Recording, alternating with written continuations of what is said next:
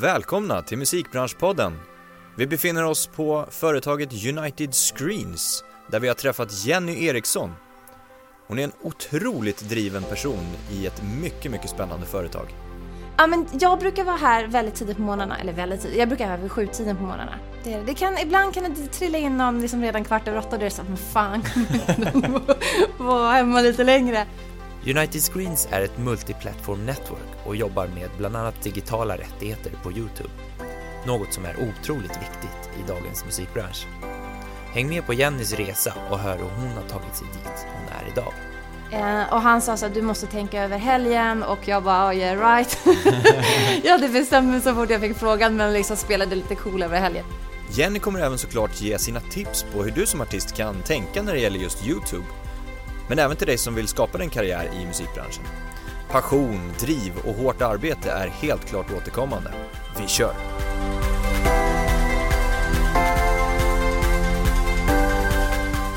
Hej Jenny! Hej! Och varmt välkommen till Musikbranschpodden. Tack så mycket. Fast det är egentligen vi som ska säga tack. Ja.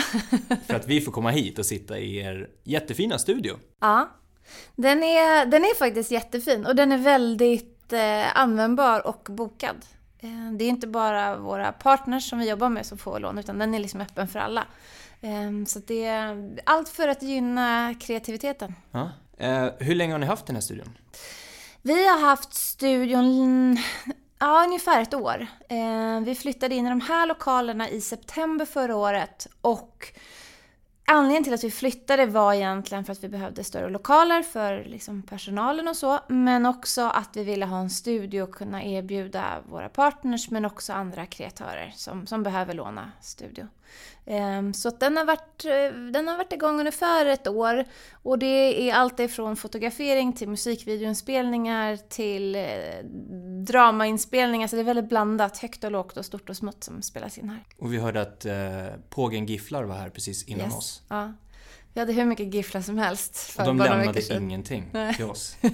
Vi tänkte vi ska gå in på er som företag lite snabbt bara. Jag tror inte alla vet vilka ni är. Nej. Ni är ju relativt nya och jag tänkte börja med en bakvänd fråga. Ja. Varför gör ni det ni gör? Anledning nummer ett skulle jag säga för att vi tycker det är jättekul det vi gör. Eh, och sen så finns det väldigt mycket att göra. Eh, vi har ju hållit på sedan 2013. Och modellen då ser lite annorlunda ut mot det vi har idag. Idag jobbar vi med kreatörer och artister, influencers som många kallar, kallar dem det. Eh, vi jobbar med olika typer av musikbolag som är på olika medieplattformar, sociala medieplattformar. Ehm, så att i början så var det väldigt mycket YouTube-fokus, men nu har det blivit Instagram, Facebook. Alltså vi är på de plattformarna där våra partners är aktiva egentligen. Eh, och det finns väldigt mycket att göra. Eh, just när det kommer till musik så är rättigheter en väldigt viktig del i det vi gör. Och där finns det enormt mycket att göra. Eh, både, både YouTube och Facebook har nu också ett rättighetssystem och där, där kan man, man kan göra mycket bra. Man kan göra mycket städjobb och så kan man såklart också monetisera, tjäna pengar på det. Och om du beskriver vad ni gör. Eh, vi, vi kallar oss att vi är ett mediebolag. Och som jag sa i början så hade vi lite en annan modell. Då, då var vi liksom ett MCN, ett multi-channel network. Vi jobbade med YouTube-kanaler och stoppade in dem i vårt nätverk. Nu kallar vi oss mer för ett MPN, ett multi-platform network, vilket gör då, ja, vi jobbar med flera olika typer av plattformar. Ehm, och ehm, vad vi gör då? Ja, alltså det beror lite på vad våra partners vill att vi ska göra. Många kommer till oss, framförallt inom musikbranschen, som vill då ha hjälp med musikrättigheter. Att vi tar hand om rättigheter på, på YouTube och på Facebook. Det är de plattformarna som har ett, ett rättighetssystem. Eh, men det kan också vara att det är någon som har en, man vill starta en kanal för en, en artist. Eh, och man vet inte riktigt hur man ska sätta igång med den här YouTube-kanalen, vad man ska göra, vad man ska tänka på. Eh, Vi erbjuder också utbildningar i hur man ska jobba med sökoptimeringar och hur man ska göra saker till konsumtionsvänligt när majoriteten av alla som tittar på YouTube eller rörligt kollar i mobilen. Hur, hur ska man tänka då? Vad ska man göra då? Och andra har liksom frågor kring format. Vad, vad, är det, vad är det man vill titta på? Vad är det man vill konsumera i mobilen? Eh, Det funkar lite annorlunda än TV. Eh, Så att det är lite sådana grejer. Så att vi hjälper till ungefär på 30 olika områden. Eh, Och det är allt ifrån låna studio, rättighetsarbete, YouTube-kurser. Vi har också eget, eget sälj som säljer eh, reklamutrymme på YouTube-kanalerna men också det vi kallar för brand and content. Man sätter ihop till exempel en, en artist med en annonsör och så gör man coola grejer och coolt content.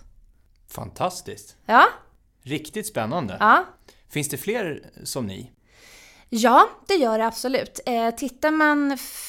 USA ligger ungefär fem år fram i tiden. Eh, så att man kan titta mycket på vad de har gjort och vad de har gått igenom och, och få ett hum om hur, vad som kan hända här.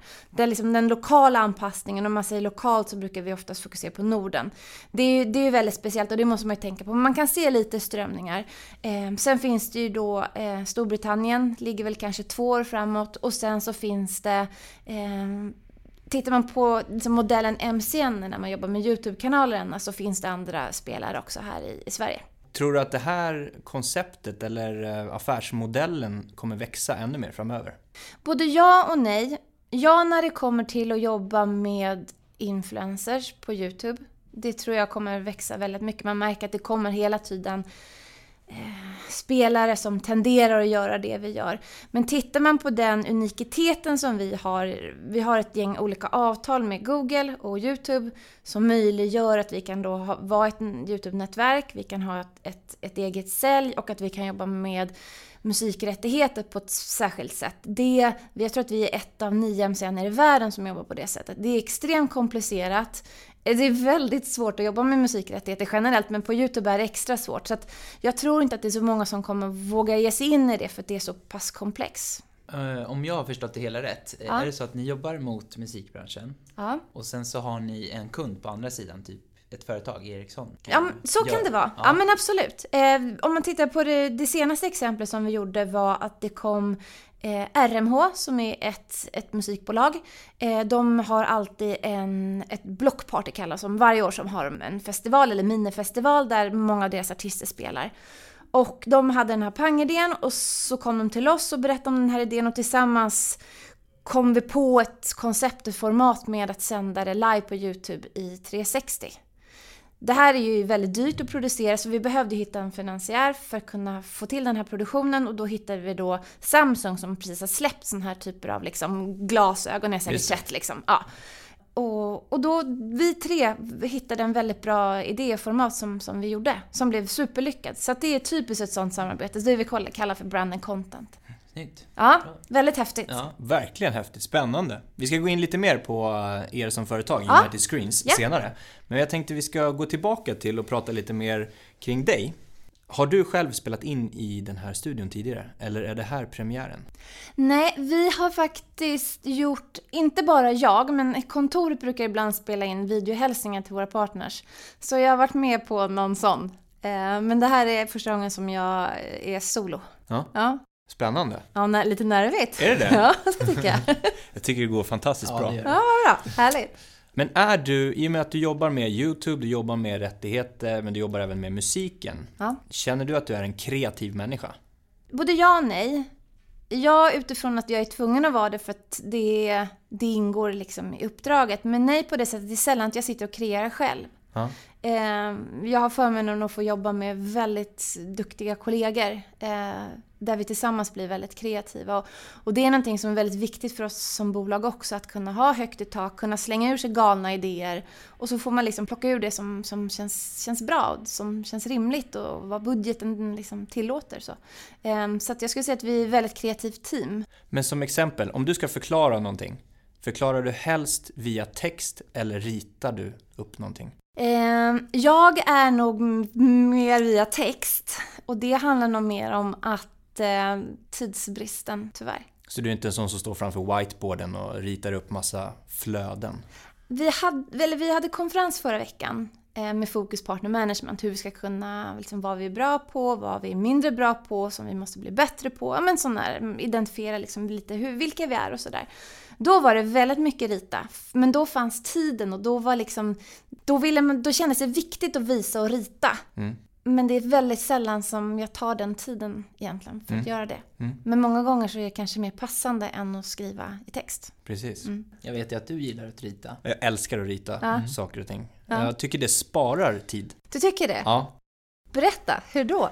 Nej men alltså jag gillar ju att få upp en bild på det. Ja. För att jag har en bild i huvudet. Ja. Och då måste jag få ner den på papper på något sätt Ja. för att för, kunna förklara för någon annan. Och jag gör nog det lättast än att skriva det. För att när jag skriver det så tar det längre tid än att formulera skissen via bild då.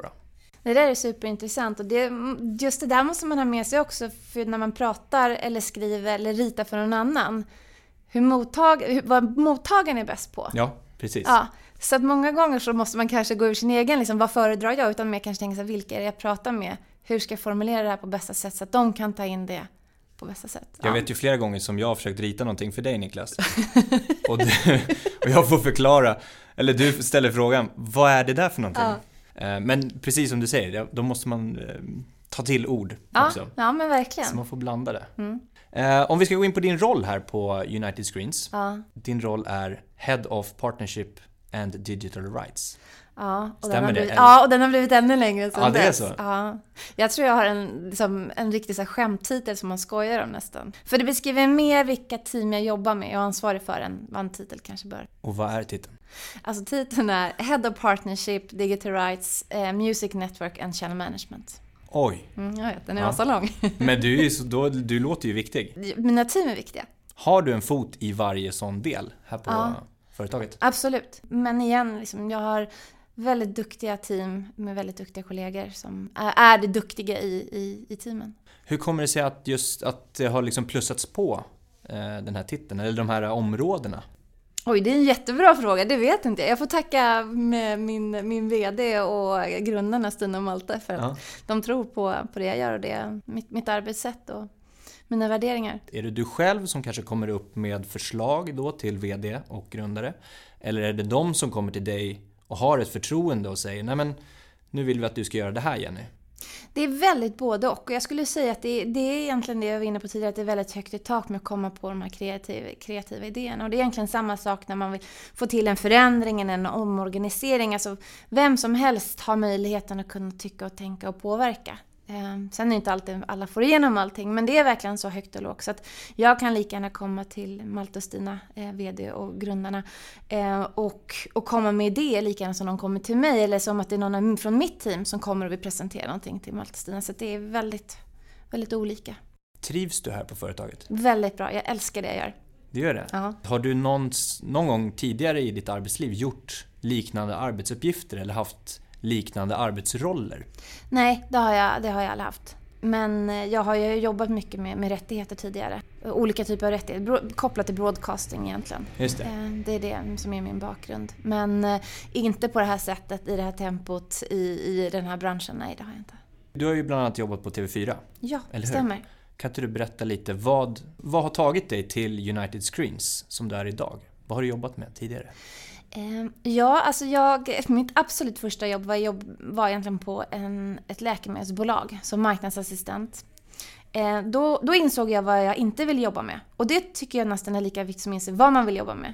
Eh, Jag, det var en jättebra plats, men det var så här, nej men det här, det här är ingenting för mig. Eh, Och då sökte jag en tjänst som var avidentifierad, så jag visste inte vilket bolag jag sökte till. Och då var det TV4.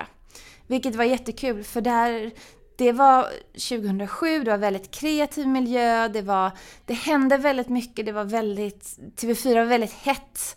Eh, så att jag var ju superglad. Eh, och där fick jag också chansen, och, eller möjligheten att få jobba med väldigt duktiga människor. Eh, så då jobbade jag framförallt med broadcastingrättigheter och den tjänsten utvecklades ganska mycket. Jag var där i fem år så att började som en ren assistentroll och sen så blev det mer och mer ansvar. Men ja, hur har jag hamnat här? Alltså jag har jobbat mycket. Jag har jobbat hårt. Det är många timmar. Eh, och sen så tror jag att jag har alltid försökt vara mig själv. Eh, men ha, väl, ha liksom mina principer och värderingar som jag går på. Och samtidigt försöka vara ödmjuk. Sökte du jobbet eller eh, fick du jobbet om man kan säga så? Ja, vår liksom, VD här eh, var min tidigare chef på TV4 så jag fick frågan någon vecka efter han sa upp sig.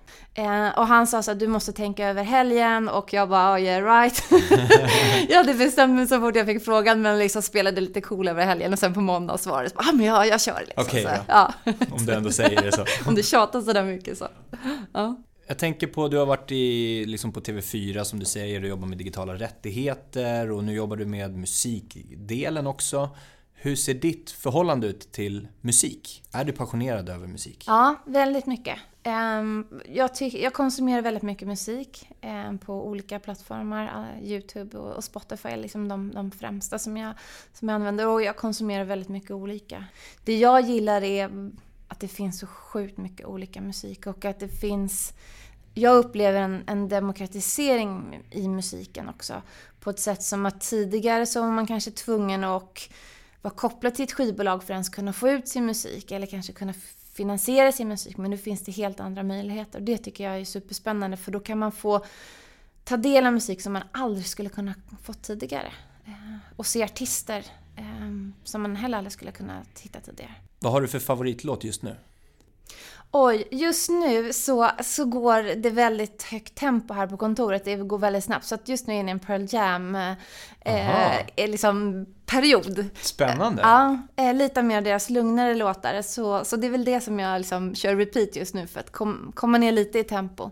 Eh, och just när man, när man sitter med grejer som avtal eller förbereder för en förhandling, någonting, då behöver man liksom gå ner i tempo för att kunna liksom samla tankarna. Eh, och då, då är det Pearl Jam just nu.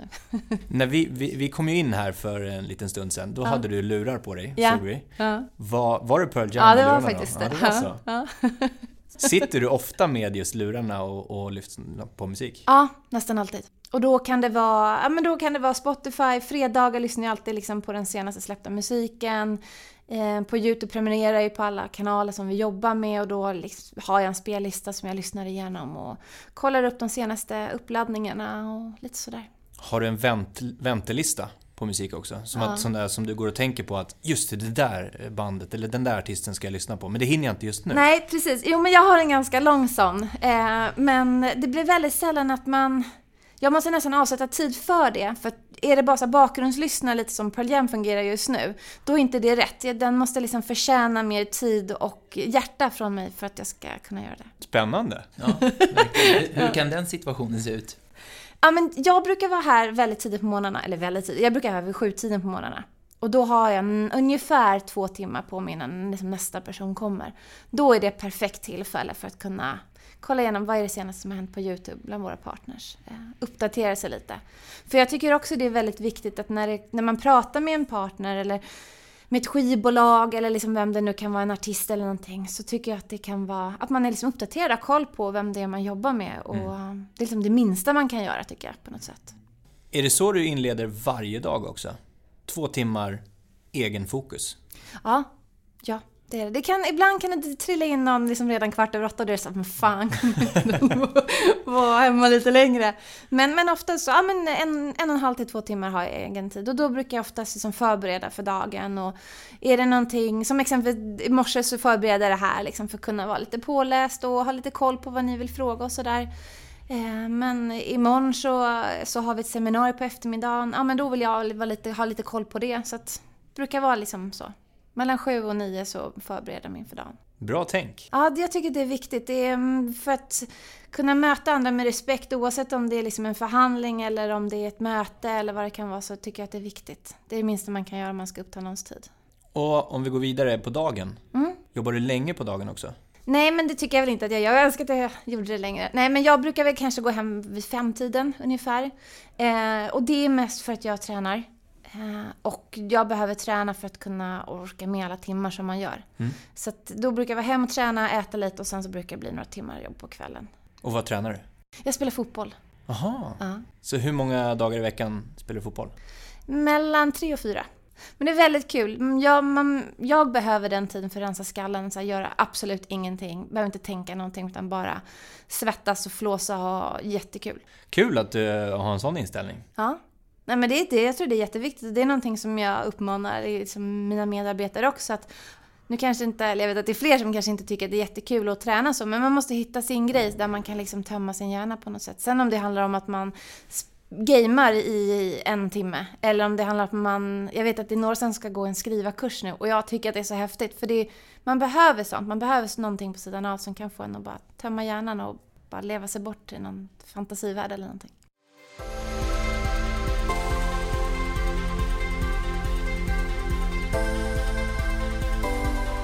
Ska vi eh, gå vidare och gå in lite grann på er som företag? Ja. United Screens. Ja. Du berättade ju lite kort hur ni jobbar och vad ni jobbar med och även varför ni jobbar med det ni gör. Ja. Vill du gå in lite mer specifikt på hur ni jobbar med artister och Youtube? Absolut. Många av de partners som vi jobbar med inom musikbranschen hör av sig till oss. Det är många som säger att vi, vi, vill, vi vill vara på Youtube, vi vill jobba med Youtube men vi vet inte hur. Så det börjar nästan så, så att det, det blir nästan som eh, att man förklarar vad Youtube är, varför det är en viktig plattform, vilka möjligheter som finns och så får man tillsammans identifiera vad de faktiskt behöver hjälp med. Um, och, och liksom matcha det mot vad vi kan göra. Um, så det är väldigt mycket, mycket så. Vi behöver liksom identifiera vad, de faktiskt behöver hjälp med. Eh, och jag var inne på de här 30 områdena som vi hjälper till med på olika sätt. Och det, det är liksom ofta så eh, uppläggen brukar, brukar vara. Men allt är ju verkligen skräddarsytt. Så att, Eh, för vissa så jobbar vi bara med musikrättigheter och content ID på Youtube. Medan andra så startar vi kanaler och vi, vi som sätter ihop brand and content-kampanjer. Eh, så det är väldigt olika. Är det bara artister från företag, eller alltså det vill säga från skivbolag och så vidare? Eller är det även... Osignade och... Helt osignade ja. artister som Ja men absolut, och det är det som är så himla häftigt faktiskt. En av de, de första som vi signade med inom musik var faktiskt coverartister som man brukar kalla det. Mm. Eh, vi brukar kalla dem för YouTube-musiker också. Det är eh, Youtubers som gör covers på mm, olika typer av låtar. Och det finns ju några kanaler som är riktigt, riktigt stora. 331 i Rock är den största som vi jobbar med som är baserad i USA. Han är helt osignad eh, och vi har ganska många sådana coverartister. Och de, de klarar av att släppa sin musik på både Youtube men också andra plattformar. Eh, de, har en, de säljer merch så att det finns liksom ingen jämförelse, det är helt galet. Eh, och de är helt självförsörjande. Och eh, för vissa passar inte skivbolag. För andra kanske det är precis det som behövs, men för andra är man inte intresserad av att ha den relationen. Det är fler som vi jobbar med som har tidigare varit signade till skivbolag, men känner att man inte riktigt utrymmet att vara sig själv finns inte riktigt där. Att man då hellre väljer att istället för att vara ute och på turné och släppa CD-skivor och ha en enorm liksom, fantastisk PR-maskin bakom sig så väljer man att göra det här själv.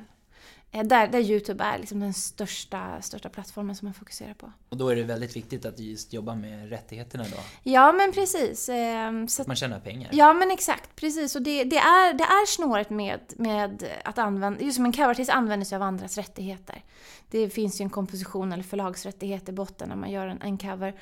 Och då gäller det att jobba på rätt sätt med Content ID så att man inte claimar förlagens rättigheter utan att man liksom ser till att monetisera på sina rättigheter. Hur många är ni som jobbar här på United Screens? Ja, det där är jätteintressant för jag fick frågan igår och jag har faktiskt inte koll, vilket är lite pinsamt. Men, men jag tror att vi är 35. Och till det så är det att vi har ett, ett kontor i, i Helsingfors och i Oslo också. Okay. Mm. Men vi håller på att anställa folk nu för vi, vi växer väldigt snabbt just nu.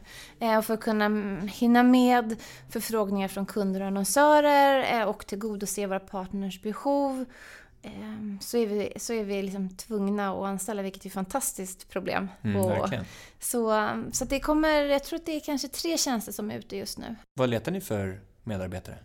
Ja, det är både på säljet, mm. eh, liksom säljtjänst, eller säljtjänster. Och sen så söker vi en på partner manager-sidan som kan eh, jobba med ja, lite man ett managementroll. En partner manager är ju ungefär en A&R kan man säga. Eh, har ungefär samma funktion. Eh, och vi jobbar med, många av de medarbetare som jag har är eh, youtuber själva.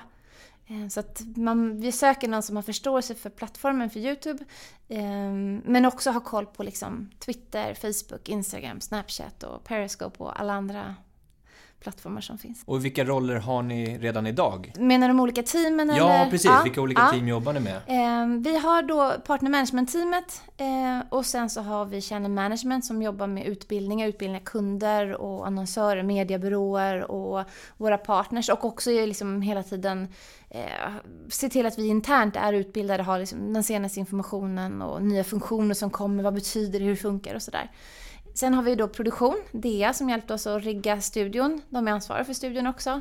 Vi har säljteamet och, eh, som då säljer både reklamutrymme och brand and content som vi pratade om tidigare.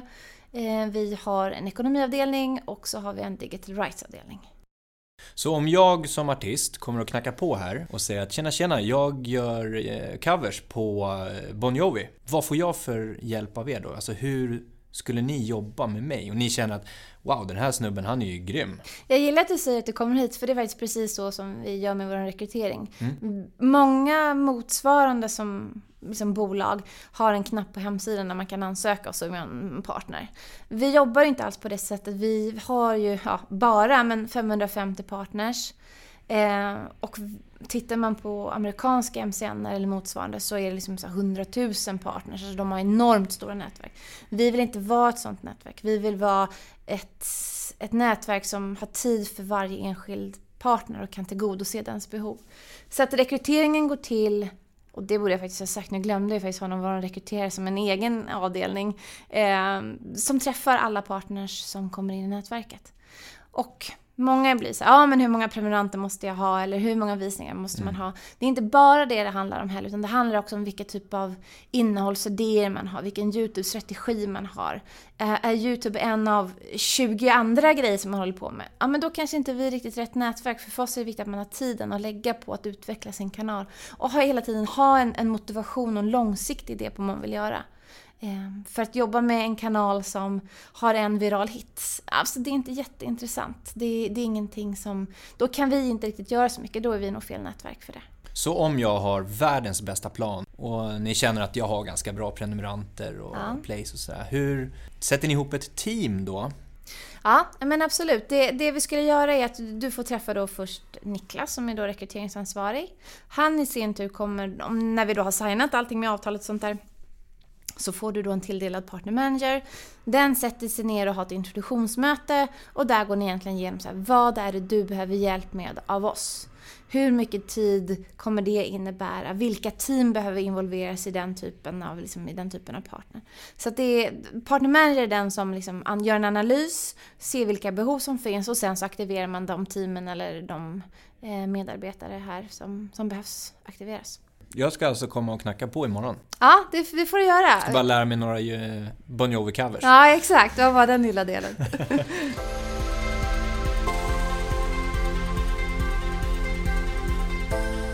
Ni sa att ni jobbar med osignade artister. Ja. Men ni jobbar även med musikbolag, ja. skivbolag och andra förlag kanske? Mm. Ja.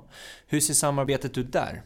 Ja, där är det ju, ofta så har ju de ett gäng artister och egentligen tillbaka till, till grunden som vi pratade om. att alla artister har olika behov. Det finns säkert några, vi jobbar exempelvis med Sara Larsson.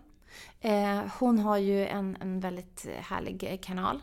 Eh, och Ten Music som vi jobbar med, eller eh, Music Group. Eh, de är väldigt duktiga eh, på hur man ska kunna jobba med, hur man kan jobba med kanalen. Där handlar det väldigt mycket om att utbilda hur man ska tänka med YouTube. Och, och YouTube inte heller, eh, jag vill ju att, att YouTube ska ju vara som vilken annan musikplattform som helst. Alltså man ska se den som lika viktig. Men det kanske finns artister som man inte behöver lägga så mycket tid på på YouTube för ett skivbolag. Utan kanske man ska fokusera på de liksom topp fem eller någonting. Så att man fokuserar verkligen på de som man tycker är viktiga. En än att bara få ut alla artister bara för att.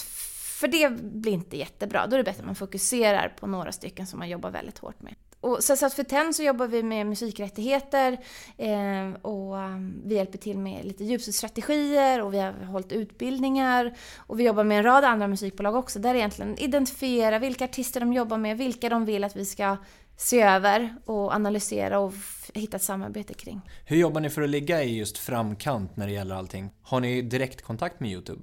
Ja, vi har en väldigt bra relation med Youtube eh, och Google. Ehm, vi har väldigt duktiga eh, kontaktpersoner där.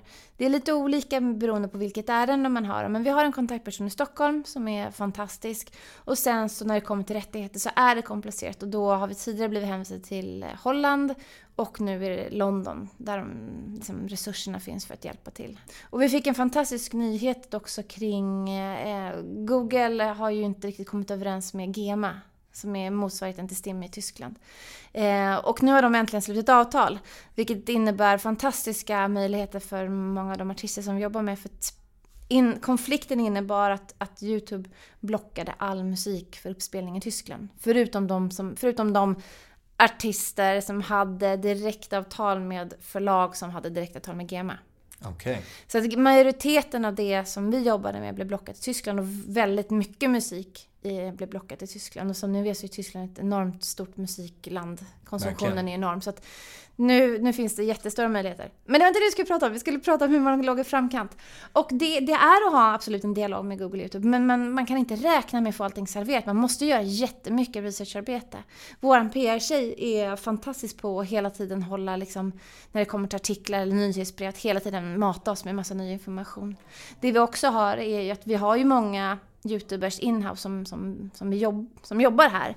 Eh, och som kan testa mycket grejer på sina e-, egna YouTube-kanaler, vilket är guld värt. Så vi har mycket internutbildningar när det kommer en ny funktion. Eh, Se liksom, hur, hur funkar den? Vad händer då? Vad är bra? Vad är mindre bra? Vad, liksom, vad ska man tänka på? Så det, det är väldigt mycket så att hålla sig på tårna och, och vara beredd på att det kan komma liksom, förändringar så snabbt. Liksom. Och då är ni beredda att applicera det väldigt snabbt också? Ja, ja men absolut. Ehm, så att vi, i morse så hittade vi ett, ett utskick från GEMA om att det här avtalet var på plats. Vår PR-tjej satte igång och, och satte ihop ett nyhetsbrev som vi ska skicka ut till alla partners. Precis innan ni kom fick vi liksom confirmat av Google att det faktiskt stämmer, att det är på gång, eller att det är signat och att de här blocken håller på att släppas nu. Eh, vilket är jättehäftigt. Så att liksom all information som vi har är jätteviktigt att vi pushar ut till våra partners. Eh, och även våra kunder. Vad ser ni för utmaningar i framtiden? Jag är lite rädd, just när det kommer till musik, att musikbolagen hanterar YouTube som man gjorde med Napster. Man har sett lite tendenser på ungefär samma, samma sak. Och samtidigt så vet jag också att det finns, när det kommer till rättigheter Ehm, och hur man ska jobba med rättigheter så finns det en massa bra grejer som man kan göra. Och det är inte alla skivbolagen som är så pålästa på hur man ska kunna hantera de här grejerna på ett bra sätt. Både utifrån ett rättighetsperspektiv men också utifrån ett monetiseringsperspektiv. Så man kan göra väldigt mycket. Och jag hoppas att man, man tar en extra runda med hur, hur man jobbar med rättigheter på Youtube och inte bara skickar strikes och takedowns till höger och vänster. Jag tror att det skulle vara mindre lyckat. För jag tänk, exempelvis så tycker jag att man ska se, jag hoppas att, att skivbolagen eller musikbolagen kan se om en coverartist gör covers på, på en, en känd låt, att man ser det som en PR. Man ser det som en stor hyllning till en artist.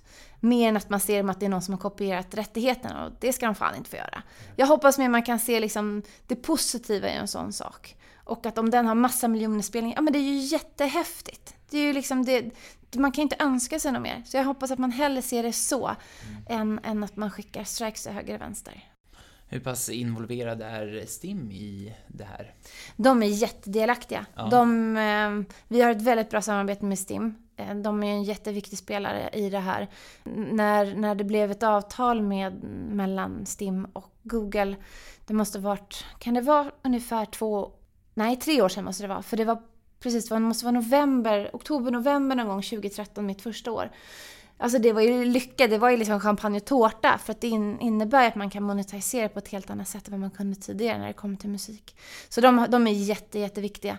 Det, det jag vet också att, precis på samma sätt som, som många andra musikbolag, att det är komplicerat med rättigheter och de har ju ännu mer komplicerat för där är det förlagsrättigheter och så är det vissa rättigheter och så är det systerorganisationer. Så de, eh, de, de kämpar hårt och gör det jäkligt bra för att få till det så att, så att de eh, kollektar in pengarna och fördelar ut pengarna som de ska. Bra, vi var inne lite grann, eller du var inne och snubblade lite på det, hur du tyckte musikbranschen såg ut. Mm. Och eh, jag tänkte, vad är det bästa med musikbranschen just nu? Oh, vilken intressant fråga. Den bäst, det bästa... Det, är, jag, jag har ju massa favoriter. Den ena är att jag märker att många tar rättighetsarbetet på allvar. Fler och fler gör det. Ehm, sen skulle jag säga att det är väldigt många som vågar prova grejer på ett helt annat sätt. Vi jobbade med eh, ett bolag, eh, eller det var egentligen ett samarbete mellan eh, Exide Non Alco och eh, Molly Sandén och Linda Pieder. De skulle släppa en låt. Vanligtvis så brukar upplägget vara kopplat till, till skivbolaget men de ville göra en, annan, liksom en fristående sak. Eh, vilket gjorde att de då gjorde, med hjälp av oss, gjorde de då ihop med den här annonsören. Att man vågar testa nya grejer. Eller som den där block- blockparty-grejen som jag berättade om. Mm. Eh, att det är jättecoolt att bara ha en ha blockparty, men det är ju ännu coolare att göra live VR på eh, 360 på YouTube. Det är ju hur Verkligen. häftigt som helst. Att, att man vågar testa grejer. Det, det tycker jag är riktigt kul. Och sen så gillar jag också att annonsörer har fått upp ögonen för YouTube och musiker. Att det är coolt att göra grejer kring musik. Musik är någonting härligt som man vill förekomma med. Eh, Det, det gillar jag. Och sen så tillbaka till den här demokratiseringen som jag pratade om. Att man behöver inte vara signad till ett skivbolag för att faktiskt nå ut med sin musik. Det finns andra vägar också. Det, det möjliggör att många artister kan komma ut med sin musik som tidigare inte kunnat göra det. Yeah. Klockrent. Mm. Två frågor. Ja, vad tror du kommer hända i framtidens musikbransch? framtiden, det kommer mer vara fokus på, eller så här, en success inom musikbranschen behöver kanske inte vara bara en låt. Det kan vara annan typ av content. Det handlar om att, min kollega brukar säga det, att det handlar om att, att sno de här extra fem minuterna på bussen. Sen om det är en låt, eller om det är en Q&A med en artist, eller om det är behind the scenes. Jag tror att det är mer Musiken är en jätteviktig produkt men jag tror det handlar precis lika mycket om en artist. Alltså det kommer bli mer icke-musik-content i ett musiksammanhang om ni förstår vad jag menar. Mm. Så jag tror det kommer komma mer sån typ av innehåll. Mm. Och fråga nummer två, vad vill du ska ske i framtiden? Jag, jag, vill, jag vill väldigt gärna kunna jobba mer med de stora musikbolagen också. Vi jobbar väldigt mycket med, eh, med, med stora delar av indiebolagen i Sverige. Vi har på god väg i, i Norge och i Finland som vi egentligen precis startat. Det finns så enormt mycket som vi skulle kunna göra för mediebolagen men som vi inte får göra med dem för att de är styrda av huvudkontor i olika delar av världen. Ehm, vi vet också att Vevo eh, förhindrar många att kunna jobba med sitt innehåll, sina artister som de vill. Jag önskar att man, den möjligheten öppnas upp för att jag vet att vi skulle kunna göra asmycket bra grejer ihop. Jag skulle vilja få in lite mer mångfald i musikbranschen. Det är vi samarbetar ju med, som sagt med indiebolag men vi har också lite samarbete med stora mediebolagen. Det är väldigt mycket gubbar. Eh, väldigt mycket eh, den här vita medelålders mannen. Den är, den, den är härlig, men inte alltid. Eh, det vore lite fräscht och pikt med unga, kreativa och gärna kvinnor. Vi håller helt med.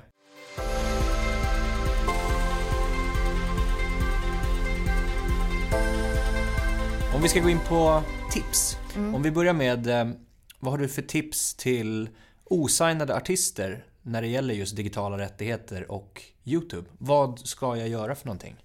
Jag tycker att man ska eh, starta en kanal, börja någonstans och sen utveckla därifrån. Och det som är så bra med Youtube är att det finns ett analytics som man alltid liksom kan, kan se vad funkade, vad funkade inte, varför kollar man bara kort tid på det här klippet men jättelångt på det här, att man hela tiden försöker förbättra sig, sitt innehåll. Ehm, och sen att man börjar läsa på, vad betyder det här med rättigheter? Vad har jag för möjligheter? Vad finns det för begränsningar? Och sen så får man jättegärna höra av sig till oss. Mm. Ja. Grymt! Ja. Och eh, om du får ge tre stycken tips till Mm. personer som vill på något sätt ta sig in i musikbranschen som inte spelar själv. Jag skulle säga, vara sig själv. Var beredd på att jobba häcken av sig. Gör det man tycker om, för annars blir det inte långsiktigt med att jobba häcken av sig. Och så att man ska vara driven. Man behöver inte ha en plan, liksom det här året ska jag göra det här och det här året ska jag vara där. Utan man ska bara jobba hårt med, med en målsättning att göra sitt absolut bästa. Jag funderar på det i och med att jag själv söker folk, men, sen så, men vad är det jag går igång på? Alltså jag vet, det är svårt att säga. Jag, man får ju oftast en, en magkänsla när man träffar människor. Men jag tror att man ska inte vara rädd att göra några hundår, för att jag, det betalar sig i längden. Och träna lite emellan. Och träna lite emellan, det är jätteviktigt. Eller om det handlar om att man går ut och kör eh, rollspel i skogen, eller om det handlar om att man, man spelar Fifa. Kanonbra, jättekul! Tack så jättemycket för att du delade med dig av vem du är och vad ni gör här på Tack själv. US. Ehm, Det är väldigt kul att få, få träffa er och få, få prata om det här. Det är väldigt spännande. Och alla där ute, knacka på här Ja, och gör säg det. tjena tjena. Verkligen, det får ni hemskt gärna göra. Ja. Och så får ni fråga efter mig. Och stort tack för att vi fick låna studion. Ja, Jättefint. Får du inte nog av musikbranschen? Så kan du gå in på dmgeducation.se, håll dig uppdaterad och utbilda dig själv kring vad som händer.